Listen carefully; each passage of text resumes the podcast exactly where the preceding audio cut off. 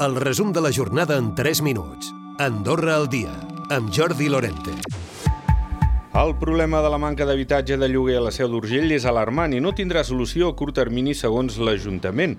De fet, tot i les polítiques socials que han permès augmentar el nombre d'oferta de pis disponible, la demanda continua desbordada, sobretot per la gent procedent d'Andorra.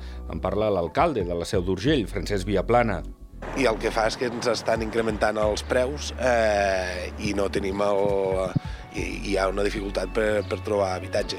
Les immobiliàries corroboren els preus desorbitats dels lloguers.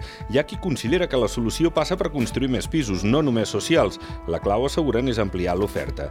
Eric Obiols és administrador de finques. Home, per la gent de la Seu els preus ara mateix estan disparadíssims. La gent veu que el preu el fa pujar la demanda de, de, de la gent d'Andorra que baixa. Home, la solució seria que, que a la seu tingués, ens preparéssim per tenir un, el triple de parc d'habitatges per, per, per llogar. Vull dir que ens facilitessin eh, i ens ajudessin a tenir espai per, per, per fer habitatges per lloguer. L'acord d'associació amb la Unió Europea ha centrat bona part de la reunió entre el cap de govern en funcions, Xavier Espot, i la síndica general Roser Sunyer, amb el copríncep Emmanuel Macron. Han aprofundit en el treball que cal fer per incrementar el parc immobiliari a preu assequible, implementar polítiques per millorar el poder adquisitiu de la ciutadania i desenvolupar mesures a favor d'un creixement sostenible i equilibrat. I Pere Baró no creu que Gerard Alís, primer secretari del PS, sigui el president de la formació després del Congrés del pròxim 20 de maig. En l'entrevista als matins de la Nacional, el secretari d'Organització del Partit Socialdemòcrata parlava d'això. Com a president, no, no crec.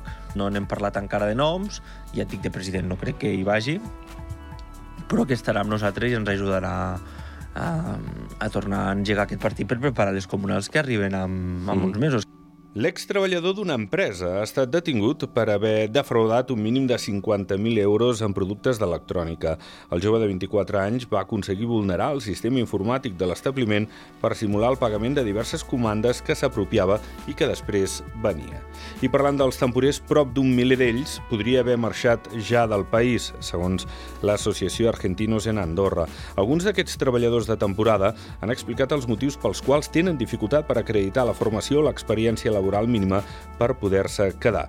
Escoltem alguns d'ells. Tengo más de 12 años de experiencia que no los puedo demostrar por, por la situación de mi país. Los cocineros o todo lo que es restauración, como se dice acá, eh, no trabaja, allá no se pone en blanco. Al menos que sea un chef, chef los chefs sí, o monotributista, la Unió Europea exigeix als estats membres que a final del 2032 no hi hagi rastre d'amiant, un grup de minerals molt present a la construcció i altament perillós si es troba en males condicions. França i Espanya ja s'hi han posat, però Andorra n'és lluny. L'Associació de Gestors de Residus demana al nou govern que hi posi fil a l'agulla. Recupera el resum de la jornada cada dia a AndorraDifusió.d i a les plataformes de podcast.